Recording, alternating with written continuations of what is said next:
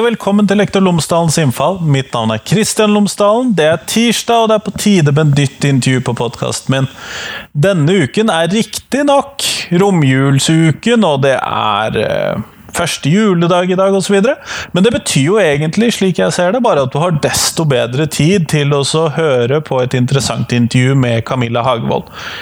Hun og jeg snakker sammen om eh, den instrumentelle skolen, om lekser, bruken av lekser, hva lekser kan brukes til, og kanskje mest av alt hvordan lekser ikke skal brukes. Vi skal snakke om målstyring og eh, lærernes eh, eget skjønn og egen profesjonalitet. Det ligger, alt det ligger inni der. Så det håper jeg at du setter pris på. Eller så vil jeg jo bare nevne at dette er det siste intervjuet i 2018. Jeg tror ikke jeg kommer til å publisere noe nytt intervju før nyttårsaften. Og det betyr jo at dette her blir den 63. episoden i 2018. Jeg har publisert litt mer enn én per uke, og jeg håper at du har satt pris på det. Eh, så episode nummer 131 kommer her. Vær så god!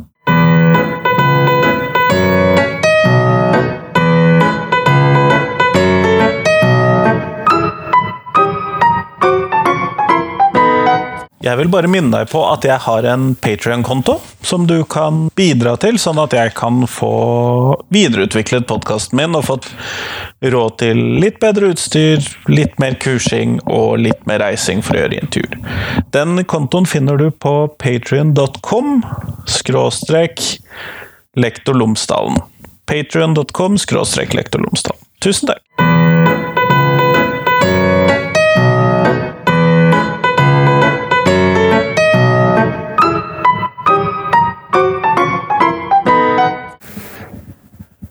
Camilla Hagvold, tusen takk for at du har tatt deg tid til meg nå i løpet av settdagene. Takk for at jeg fikk lov til å snakke med deg. Eh, før vi starter med selve intervjuet, kunne du ha fortalt lytterne mine tre ting om deg selv, sånn at de kan bli litt kjent med deg? De som ikke allerede følger deg på skoleveien, da. Ja. Uh, ja da, da, blir det ikke nødvendigvis ny informasjon, men uh, tre ting uh, som oppsummerer meg ganske bra, er at jeg har skole som jobb. Eh, jeg har eh, vært lærer på barneskole, jeg har vært lærer på ungdomsskole, jeg har vært inspektør på ungdomsskole. Nå er jeg assisterende rektor og lærer på en 1-10-skole. Så jeg har tre eh, skoleslag. Så var det sånn at engasjementet mitt for skole det vokste seg egentlig ut av den normale arbeidstida mi. Så da kom Eh, informasjon nummer to. Jeg har skole som hobby. og det, det arter seg eh, på litt forskjellige måter. Det er både at jeg eh, leser stort sett det jeg kommer over av i hvert fall nyhetsartikler og sånn om skole, og at jeg er ganske aktiv på Twitter og til dels kanskje òg etter hvert Facebook i uh, diskusjoner om skole, men mest av alt at jeg skriver denne bloggen som du nevnte, Skolevegen. Skoleveien.com for de som ikke skulle ha fått med seg Skoleveien.com, ja. Med, med G. Var, skoleveien eh, på bokmål, det var ikke, det var ikke ledig domene, så derfor ble det Vegen. Mm. Nettopp. Det var, var, det var nummer to, ja. ja. Nummer tre den det vet sikkert òg de fleste egentlig eh, som følger meg i sosiale medier, fordi at jeg er en veldig ihuga Star Wars-fan. Prøver å inkorporere det i uh, undervisningen så ofte jeg kan. Ja, det er jo relevant alltid. Det er alltid relevant. Det er jo uh, en av de store Så det er jo en av de store kulturbærende referansene fra vår tid, vil jeg si. Jeg deler den samme, men om Game of Thrones. Ja, nemlig. Du er en halv generasjon yngre enn meg, tror jeg. mulig. Mulig. Eh, men det vi skal snakke om i dag, mm. det er lekser. Ja. Fordi at um, det er vel nå de siste 24 timene. Ja. Eh, og dette dato plasserer jo for så vidt opptaket ganske godt. Det gjør det. Så har det gått rundt en uh, lekseplan. Mm delt av Eivor Evenrud, er det vel? Mm. I Oslo Rødt er vel det mm. også. Ja. Eh, som viser leksene i en eh, femte-sjette klasse i en vanlig uke. Mm. Et ganske grelt eksempel, dessverre. Ja. Jeg håper ikke at dette er det den gjengse tolvåring møter rundt forbi i Norge hver uke. Det er litt glad for at eh, Litt glad for at jeg ikke vet hva skole eller hva kommune eller sånn dette kommer fra, fordi at da, da hadde jeg sikkert vært litt mer forsiktig. jeg hadde syntes litt synd på de som hadde lagd den, det Nei, jeg, eh, jeg jeg leste ikke ferdig, jeg leste ikke helt ned engang før jeg delte den på Facebook og sa er dette mulig? Altså, det, det er helt horribelt. Ja, for det var hos deg jeg så denne. Ja. Eh, og det var jo i Eivor sin eh, tråd, så er det jo lang diskusjon etterpå allerede. Og så var det jo relativt aktuelt, eh, fordi at eh, samme dagen som denne ble posta, så hadde jeg hatt, blitt intervjua av lokalaviser, fordi at vi har eh, relativt reduserte leksemengder hos oss på den skolen jeg jobber. Etter et eh, langt arbeid i elevrådet, der de eh, Elevrådet hos oss er fra fjerde til tiende, og jevnt over så var i fjor høst alle elevene litt sånn Vi har lyst til å ha mindre lekser. eh, og så sa jeg at ja, det, det kan jeg jo forstå. Eh, men da vil jeg i så fall at dere skal gå tilbake til klassene, og så vil jeg at dere skal komme med noen helt konkrete forslag til hvordan går det an å løse dette på en sånn måte at det, både lærerne og elevene blir fornøyd, og at det Ja, for de må jo fremdeles lære det de samme. skal lære det samme, og de skal, de skal jo til en viss grad øve en del på de tingene som de har lært òg. Eh, ved å gjøre noen oppgaver altså til, de, til de sitter, til de kan det godt. Eh, så gikk eh, representantene tilbake igjen til klassene sine. Eh, og kom med litt forslag som gikk på ja, det var forskjellig. At de kunne ha noen dager leksefri i uka, kanskje. At de kunne ha prøveperioder med leksefri. Eh, at de kunne ha eh, en eller annen sånn form for arbeidsplan der de jobba mer på skolen. Eller at de kunne bli, ha sjanse til å bli ferdig med leksene på skolen. Og så ble vel resultatet at når vi da tok dette i lærergruppa, så var det litt uenighet i, mellom trinnene. Da første Altså, småskolen er veldig opptatt av det med lesing, og det er jeg vel tilbøyelig til å være enig i at det er viktig at eh, under leseopplæringen at man leser hjemme òg. Ja, den er det vanskeligere å være uenig med som Ja, men samtidig så er det vel altså, Det er vel litt sånn at det er, først, det er der de der studiene som, som finner at det er lite effekt av lekser, uh, mener vel at barneskolen faktisk er der det er minst effekt, og så har det større og større effekt til eldre elevene blir. Så sånn sett så men, men magefølelsen min òg sier at vi, skal egentlig vi må lese. De må ha leselekser når de er så små. Um, uh, så der tror jeg uh, Men der det var Småskolen hadde ikke store mengder lekser i utgangspunktet. De hadde Så det var ikke et så stort problem? Nei, pluss at det, elevene i, på småskolen har jo heller ikke vært med i uh, elevrådet, så de, vi har ikke egentlig hørt noe fra de hva de tenkte om dette. Ei heller foreldrene, for den saks skyld. Men, uh, men vi tok uh, i hvert fall en uh, uh, vurdering i, på mellomtrinn og ungdomstrinnet, og gikk for en løsning som var ganske nær den eh, at man hadde heller et slags arbeidsprogram der elevene gjorde ferdig kun, eller hadde mulighet til å gjøre ting Hvis de var effektive, Hvis så de var slapp effektive, så slapp de lekser. ja. Men så er det noen, eh, noen oppgaver noen ganger som, eh, som eh, man tenker at de skal gjøre hjemme, og så legger man opp til det, men det er ganske eh, betydelig mindre mengde enn eh, enn i hvert fall de verste skolene, tenker jeg.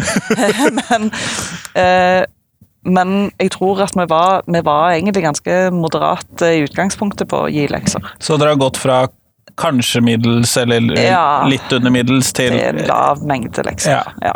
Og elevene melder tilbake at de er fornøyd òg, så det er jo eh, Da tenker jeg at da har vi jo gjort, gjort det vi skal. Det blir jo ganske kanskje litt mer motiverende når man eh, Det er jo det de sier. Altså, det eh, Og vi har eh, det er faktisk den tydeligste tilbakemeldingen fra elevene, at det er mye mer motiverende å gjøre ting på skolen når du vet at du slipper å gjøre det hjemme. Og Grunnen til at de har lyst til å ha mindre hjemmearbeid, er jo det at de har ei gjennomorganisert fritid der Fotball to dager og håndball to dager. Ja, og... det er ikke måte på liksom, hvor aktive de er på den fritida, og da, da skjønner jeg at det er lite tid. Og for oss som bor på en så Eller min skole er jo på et lite sted der det er Hvis du ikke går på en fritidsaktivitet, så ser du ikke vennene dine, for det er en halv mil til nærmeste nabo, liksom. Og da Du bor godt ute på bondelandet? Ja, sånn da, ja altså jeg, jeg bor ikke der, men skolen min ligger der, og der er der da er der, Da tenker jeg at det er godt å gi dem den, den tida på ettermiddagen til å pleie vennskap. Mm. Mm. Jeg, jeg, må innrømme at jeg er ganske ny i dette med lekser. Mm. Jeg som lærer har sjelden gitt lekser, mer sånn de der restleksene når du ikke har jobbet godt nok. Ja. Og så har jeg som forelder så har jeg ikke hatt barna mine i en skole med lekser før nå. Ja. Så barna mine har startet fjerde klasse, og for å få, fjerde og femte, og fått lekser da. Mm. Så jeg syns jo det verste med lekser er å huske dem som forelder, Ja. at du må sjekke dem. Eh, sliter jeg med, da. ja, men det syns jo jeg egentlig var noe av det verste som lærer òg, når jeg eh, før drev og ga lekser. Ja, for de skal jo Eh, sjekkes. Ja, og det, det er jo ingen poeng i å gi lekser bare for å gi dem. Og jeg tenker stakkars de lærerne med den eh, ukeplanen som er Ja, her må- på her. Det må jo være Altså, da, Hvor mye tid kan det være igjen av eh, timene på skolen hvis det er at du skal jobbe med de eh, Og for de som ikke da tilfeldigvis skulle se det bildet som ligger i shownotesen på lektorlomsdalen.no her, for der ligger dette bildet. Det kommer til å ligge der. eh, Så kan jeg da formidle at Og vi tar bare norskfaget, for jeg orker ikke å lese hele denne A4-siden. Norsk. Les minst 20 minutter hver dag. Husk å variere hva du leser. Registrer antall minutter og hva du har lest i loggen. Lesebestilling. Finn fem substantiv, fem adjektiv og fem verb fra det du har lest denne uken. Skriv ordene i leseloggen. Torsdag egenvurdering av ukas mål. Husk underskrift fra voksen hjemme.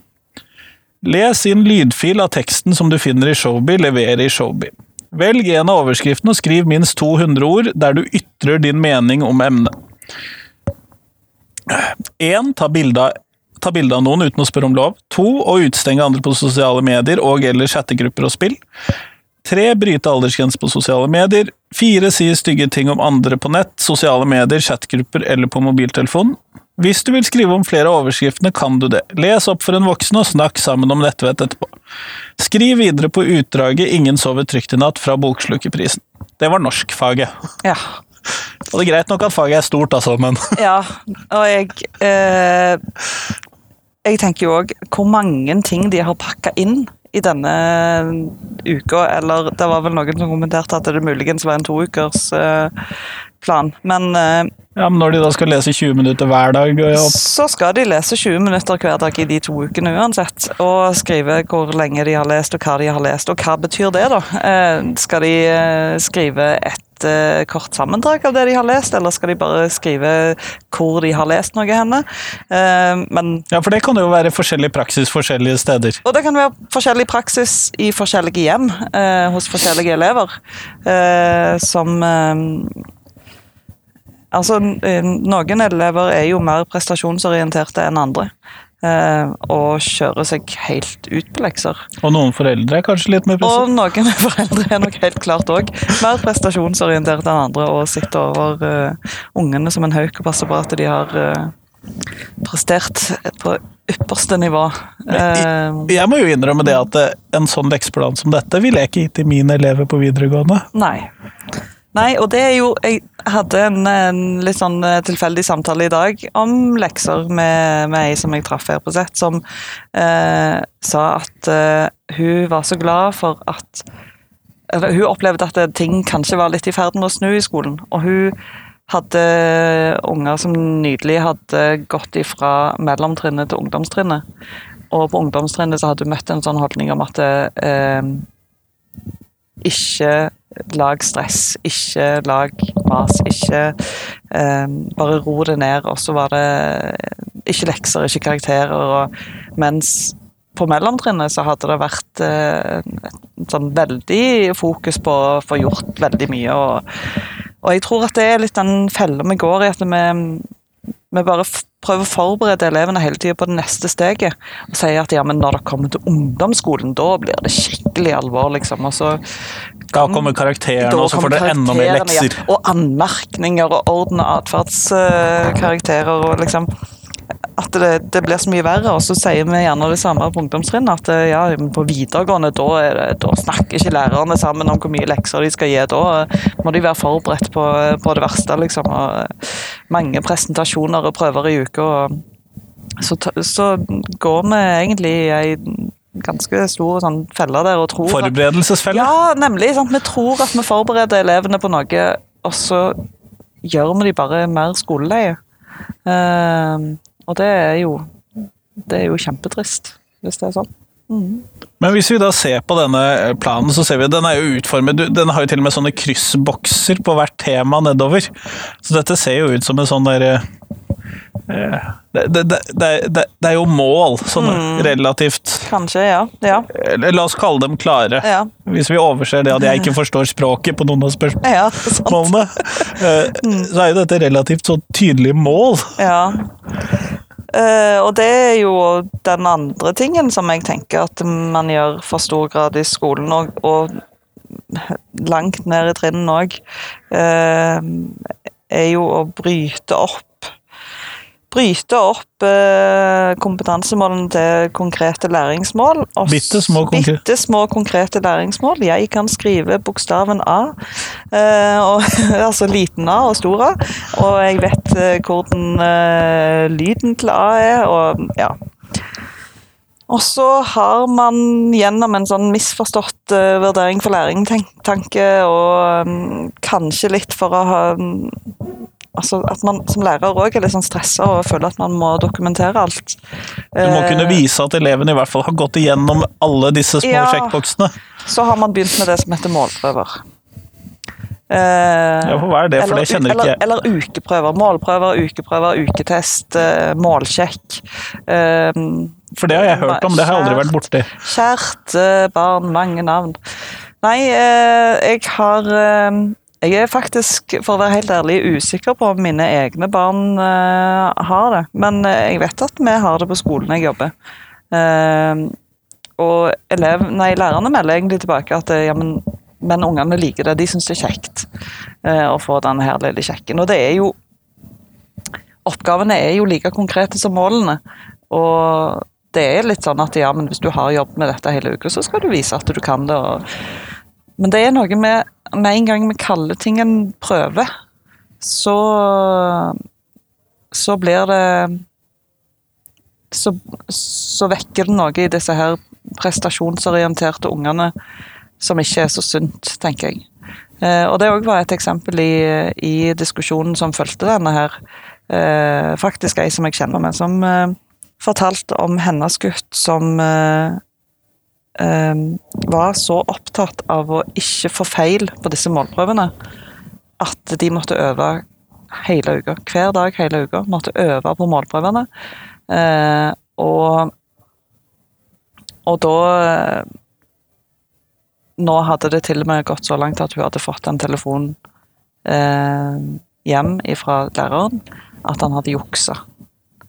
Så det å legge opp til en sånn prestasjonsbasert sånn testsituasjoner og det, det, det, det svekker kvaliteten i skolen. Det høres ut som en veldig instrumentell skole. Veldig instrumentell. Eh, og altså, det motiverer jo for juks. Eh, et annet eksempel er jo eh, min egen datter som satt og skulle skrive, skrive ett-tall og brukte et viskelær som, eh, som linjal. Når jeg dokumenterte at hun eh, ikke kom til å lære seg å skrive rett og beine ett-tall på den måten, hun kunne ikke dra fram en linjal hver gang, så fikk jeg svar at ja, ja, men jeg får i hvert fall stjerner.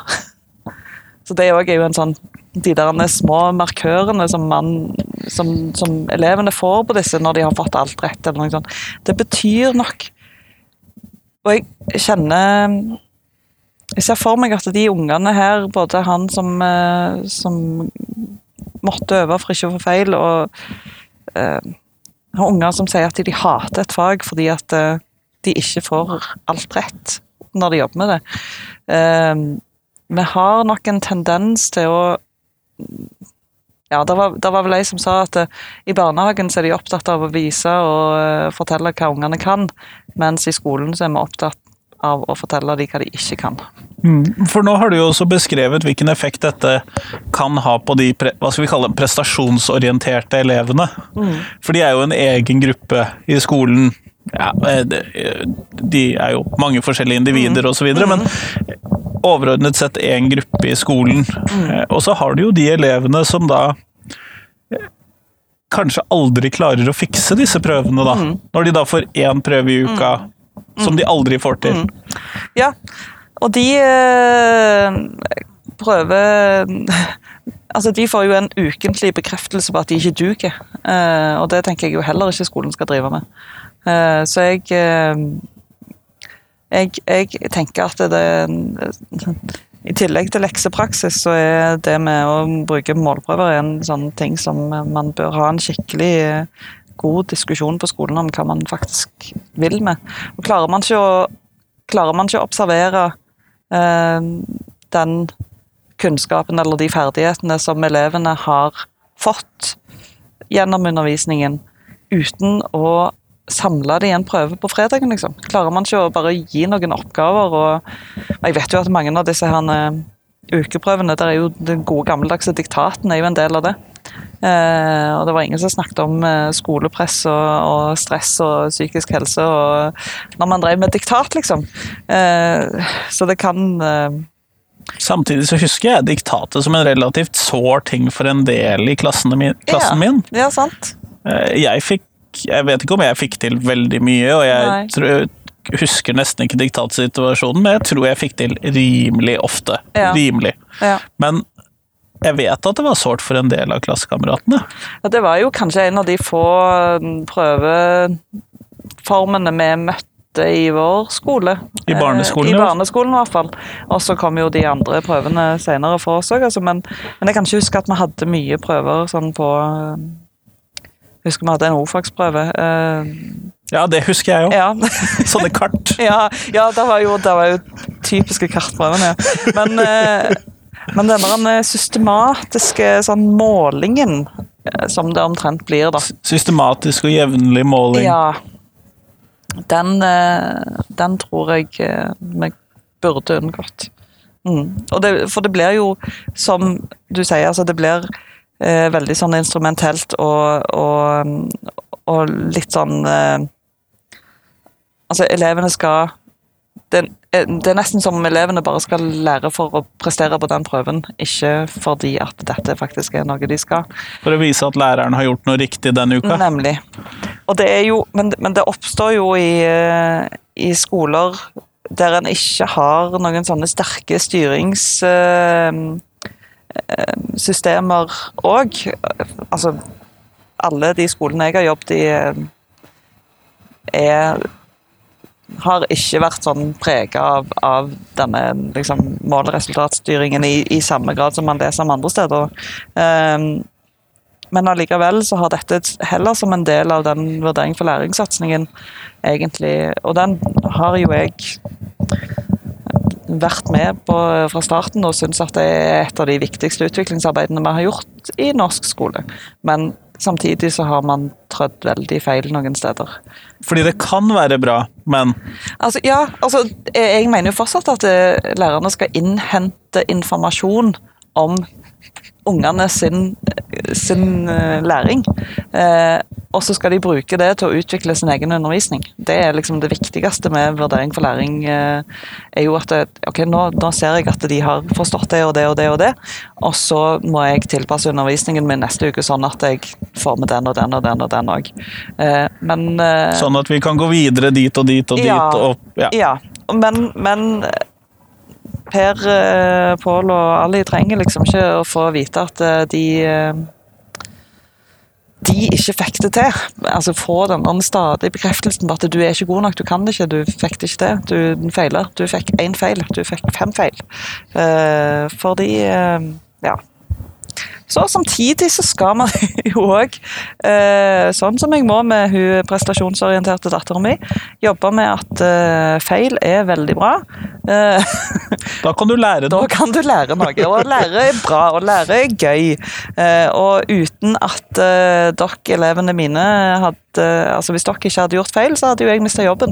Hva, hva skulle jeg gjort da, stakkars en lærer som har elever som kan alt, liksom? Det går ikke an.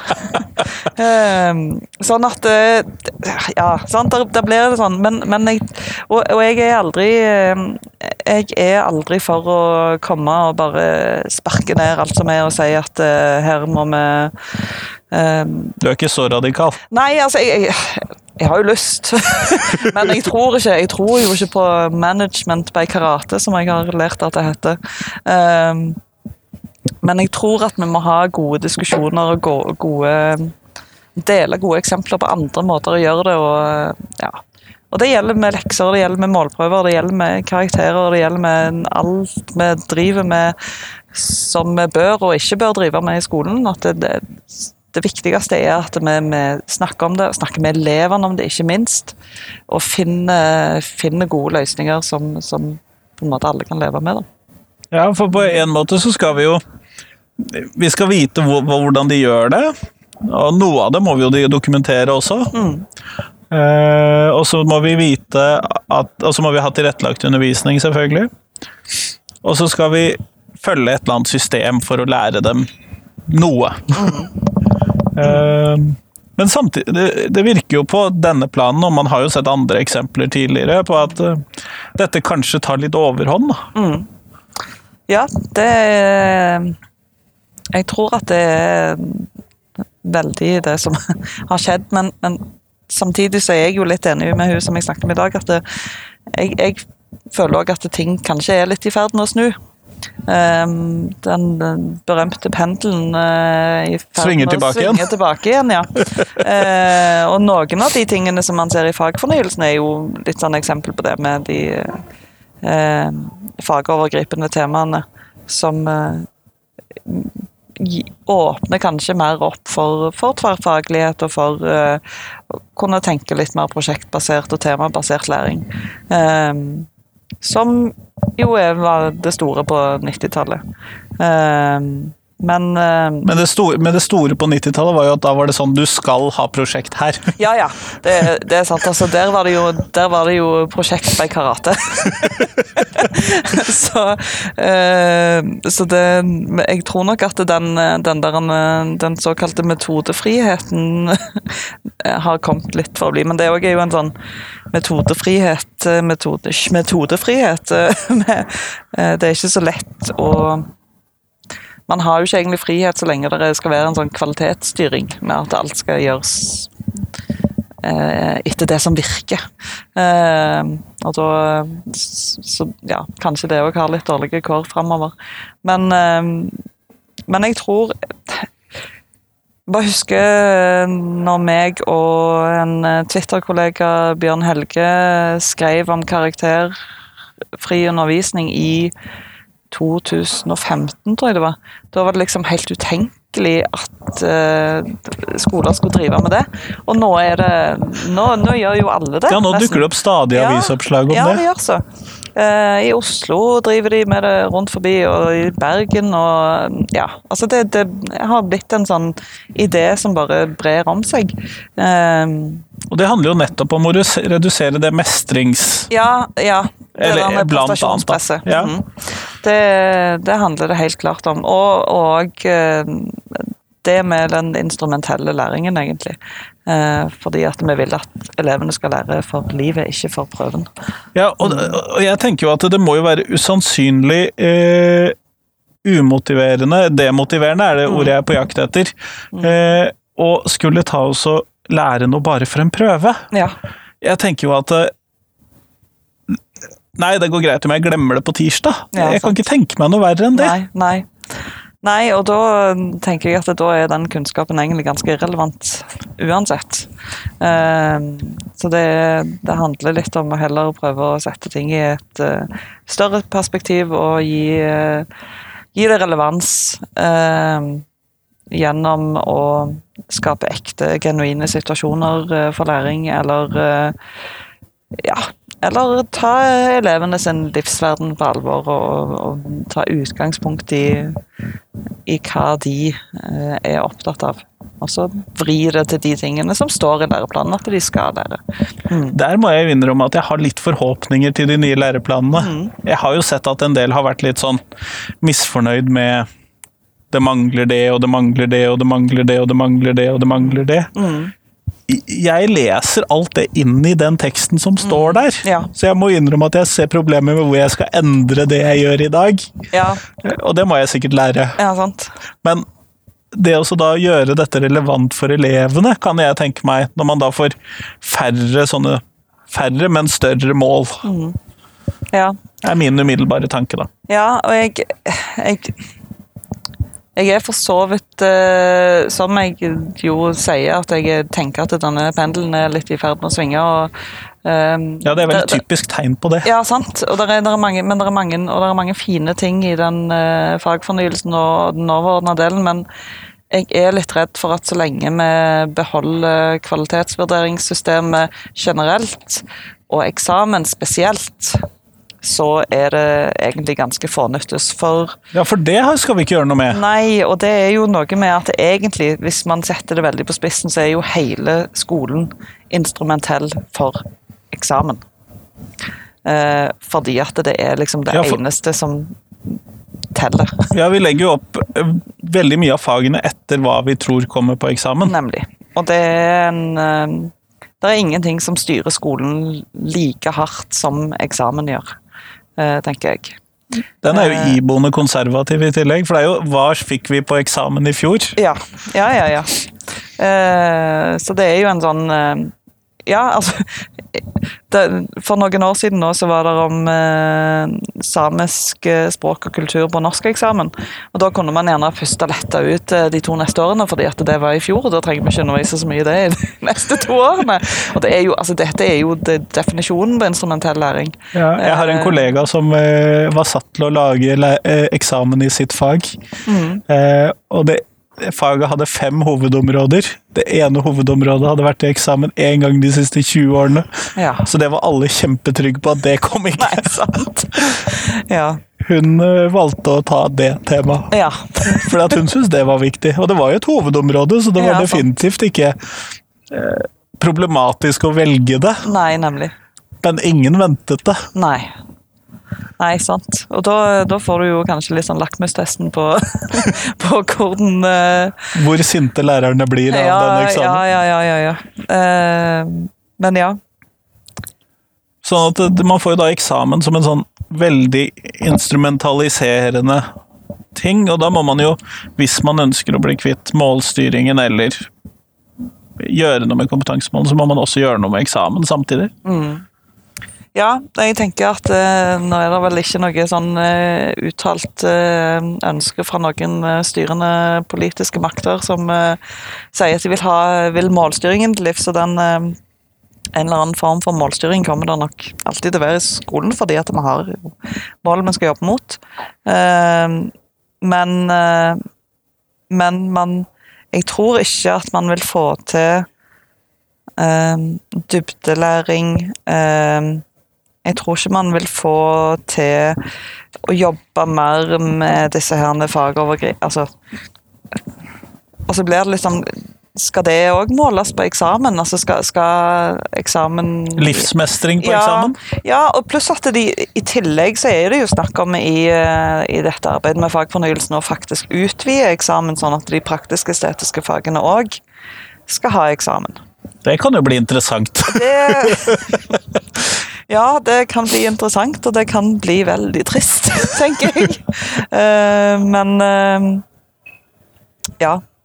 Uh, Men jeg vil jo tenke at denne Umiddelbart så vil jeg tenke at denne konserverende effekten ved eksamen, siden vi da prøver å lære opp elevene våre etter hva vi tror kommer på eksamen osv., Mm. eh, vil gjøre at denne dybdelæringen kanskje litt forsvinner. Mm, Fordi at alle sammen da vil prøve å nå de samme dybdene. mm, ja, sant. Eh, og det er noe med at det er ekte dybdelæring tror jeg at man eh, ikke får til så lenge man har konkrete mål å jobbe med. Uh, for jeg tror at ekte dybdelæring er, er egenmotivert. Uh, den er det å fordype seg i et eh, emne er noe man gjør fordi at man faktisk har en indre motivasjon for det. Fordi det virker interessant? Ja, fordi at det virker interessant, og fordi at det er relevant for meg. Eh, og da blir det kanskje mest din jobb å gjøre det relevant? Ja da, og det, det er klart at den, den, jobben må vi jo gjøre uansett eh, hvordan målene blir og hvor mange de blir, og, eh, men Nei, det, det, er spennende tid å være skolemenneske i. Eh, føler vi står i en sånn brytningsfase, og det der er mye, der er mye så, altså Leksedebatten har jo den, den, kommer jo opp hele sånn med jevne mellomrom, og med kortere og kortere intervaller òg, eh, opplever jeg. Eh, sånn at det, ja. Vi har, vi har mye å tenke på. Sånn at innenfor, da, hvis vi skal bruke denne headingen, den instrumentelle skolen, mm. så får vi jo da Vi får lekser. Mm. I hvert fall noen typer mm. lekser. Mm. vi får for, Og du, man kan jo utarbeide lekser ikke-instrumentelt også, Helt klart. men man får eh, leks, noen typer lekser. Man får alle disse målene, selvfølgelig. Mm. mm. Eh, eksamen i seg selv og læreplanene slik det Det er ganske mange faktorer her, da. Mm. Ja, det der er Der er helt klart uh, ting altså man, man må jo på en måte spørre seg hva, er, hva skal være hensikten med alle disse praksisene. Uh, hvorfor har vi skolen, kanskje også? Ja, hvorfor har vi skolen? Men den, den er jeg, jeg jeg er veldig for at vi skal ha skole. Jeg er ikke en unschooler, men jeg er en eh, Men eh, jeg skulle veldig gjerne sett en annen skole enn den vi har i dag. For den eh, tror jeg ikke treffer treffer så godt som man burde. På så mange som man burde treffe. Jeg skal bare, jeg er nødt til å dele med lytterne en liten ting til før vi avslutter, fordi at jeg syns jo denne lekseplanen er glimrende. Mm. Eh, og her, ta, La oss ta det andre matematikkfaget, eller andre store faget, altså mm. matematikk. Mm. Der har vi det. Mm. Multismart øving, tema sannsynlighet. Du skal jobbe 60 min i løpet av uka. Du ser selv antall minutter i programmet. Ok. Gjør kopioriginal 623, Showby matterom. Fint. Gjøres i grønn leksebok matte, vedlikehold de fire regneartene. Velg nivå, vis hvordan du regner, bruk linjal og gjør det pent. Sett to streker under svaret. Og så gjøremål i Kikora, uke 47. Så slik jeg ser det, så skal de innom tre forskjellige digitale mm. um, Nei, fire forskjellige digitale lekser i matematikk, mm. som hver en er ett ark. Ja. I løpet av én uke. Ja, sant. Jeg tolker dette til en mm. uke, så mm. for de som mener to uker, vær ja. uenig med meg. Ja. Ja. Det er, og nok en gang så er det sånn Hvor, hvor blir det av dybden? Uh, og nå, ja, nå er vi ikke i 2020 ennå og skal være der, men, men, men, man kan jo i hvert fall tydelig ut ifra en sånn plan se behovet for å stoppe opp og dvele litt lenger ved et tema, istedenfor å bare hoppe fra punkt til punkt og gjøre mest mulig på minst mulig tid. Og det er det, for meg så er det helt opplagt at da skaper vi ikke gode, trygge, glade borgere. Vi skaper stressa stressa elever som eh, prøver å spise en hval eh, med hodet først. Jeg regner med at det er skolen ja. eller pensum som det er denne hvalen ja, du tenker på. Er, det er, og det hjelper ikke egentlig at vi stykker den opp og at det sier at det tar en bit om gangen, og så tar vi en prøve til slutten av uka. Men det, nei, for vi skal nei, jo få denne hvalen i oss på veldig begrenset tid. Da. Ja, det er det vi skal. Det er det vi skal. Mm. Det spiller ikke noen rolle. Nei. Eller så Jeg syns jo det er litt gøy, da. Mm. Mat og helse, lag enten Og dette er sjette klasse! Det er ja. mat og helse. Ja. ja da. Eh, lag enten grønnsakssuppe, tomatsuppe eller spagetti bolognese til familien din. Oppskriften finner du her, bla, bla, bla. Foreldra dine har også mm. tilgang til den. Ja. Fint! Jeg tenker, Den leksa der, den hadde jo Altså Det hadde jo vært ei fantastisk lekse, men kunne de ikke heller bare skrevet 'lag middag til familien én dag denne uka'? Skriv ned oppskriften og fortell Ja. oss hva du gjorde. Ja, sant. Det hadde vært så mye kjekkere enn å gå inn og ja. Nå tror jeg ikke at noen av disse rettene var spesielt dyre, eller noe sånt, men eh, på en eller annen måte så syns jeg dette også utfordrer gratisprinsippet. da. Det gjør det til en viss grad òg, men det kunne nok kanskje den lag middag til familien din eh, ja. Ja. ja. Det finnes jo måter å løse det på som ikke gjør Det Det er veldig mange ting vi gjør i skolen som utfordrer gratisprinsippet. Det gjør det, og det var ikke det som var temaet i dag. Nei. Det var bare min umiddelbare tanke. Men jeg liker jo når barna mine lager mat til meg, sånn at eh, jeg ville jo blitt happy. Jeg hadde Ja. jo ikke krangla for mye på det. Nei, sant. Eh, Nei, eh, jeg syns jo dette er fantastisk. Men nå før vi avslutter, du skal selvfølgelig få lov til å svare på et, eh, mitt faste spørsmål. Ja. Ehm, og hvis du skulle lage et fag, og hvis du skulle fylle det med et innhold i skolen Det nye Camilla-faget, Mm, fortrinnsvis med et bedre navn. mm. Du kunne stjele uhemmet fra andre fag, eller du kunne legge nye ting som du tok inn fra omverdenen. Hva skulle det være? Ja Jeg tror nok at jeg ville gått for et eller annet sånn uh, livsmestringsgreie. et fag som kunne favne alle de tingene som ungdommene egentlig ønsker å lære. Eh, hvordan betale regninger, og hvordan bestille time hos frisøren. Eh, telefontrening. ja. Jeg tror Det er mye praktisk ville- hverdagslig ja, der. Ja, jeg tror jeg ville gått for det. Eh, En sånn, eh, for det er jo en sånn ting at eh, ungdom nå er stressa for å bli voksne fordi at de ikke vet hva det innebærer. Eh, Og en liten sånn eh, bare demp skuldrene og slapp av, dette går bra. Ja. Der det selvfølgelig ikke skulle være en eneste form for måling eller karakter eller noe som kunne ødelegge det fantastiske fellesskapet man hadde hatt i den klassen. Et lite folkehøyskolefag inni ja, det hele? Nemlig, nemlig det er akkurat det vi skulle ha. Lite folkehøyskolefag der. Ja. Kjempeflott. Nei, men Tusen takk for at jeg fikk prate med deg i dag. Så kjekt at jeg fikk uh, snakke med deg òg.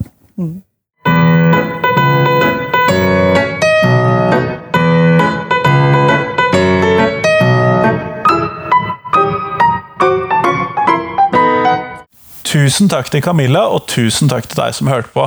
Nå har et godt år for denne podkasten eh, gått mot slutten. Eh, som jeg sa før episoden begynte, så var dette den eh, siste episoden i 2018.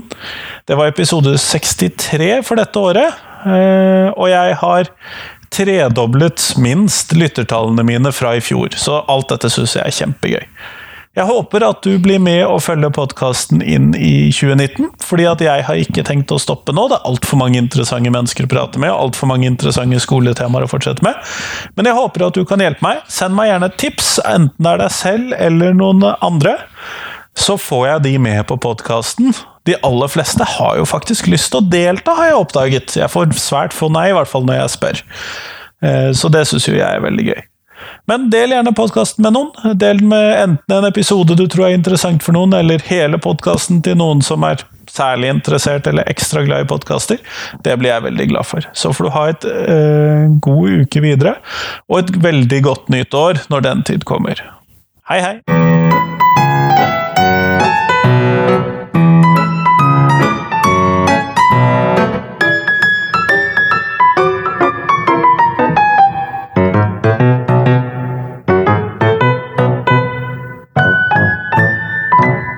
Helt til slutt så vil jeg igjen minne deg på Patrion-kontoen min. Du finner den på patrion.com skråstrek. Så håper jeg at du kan være med og bidra til at podkasten kan videreutvikle seg.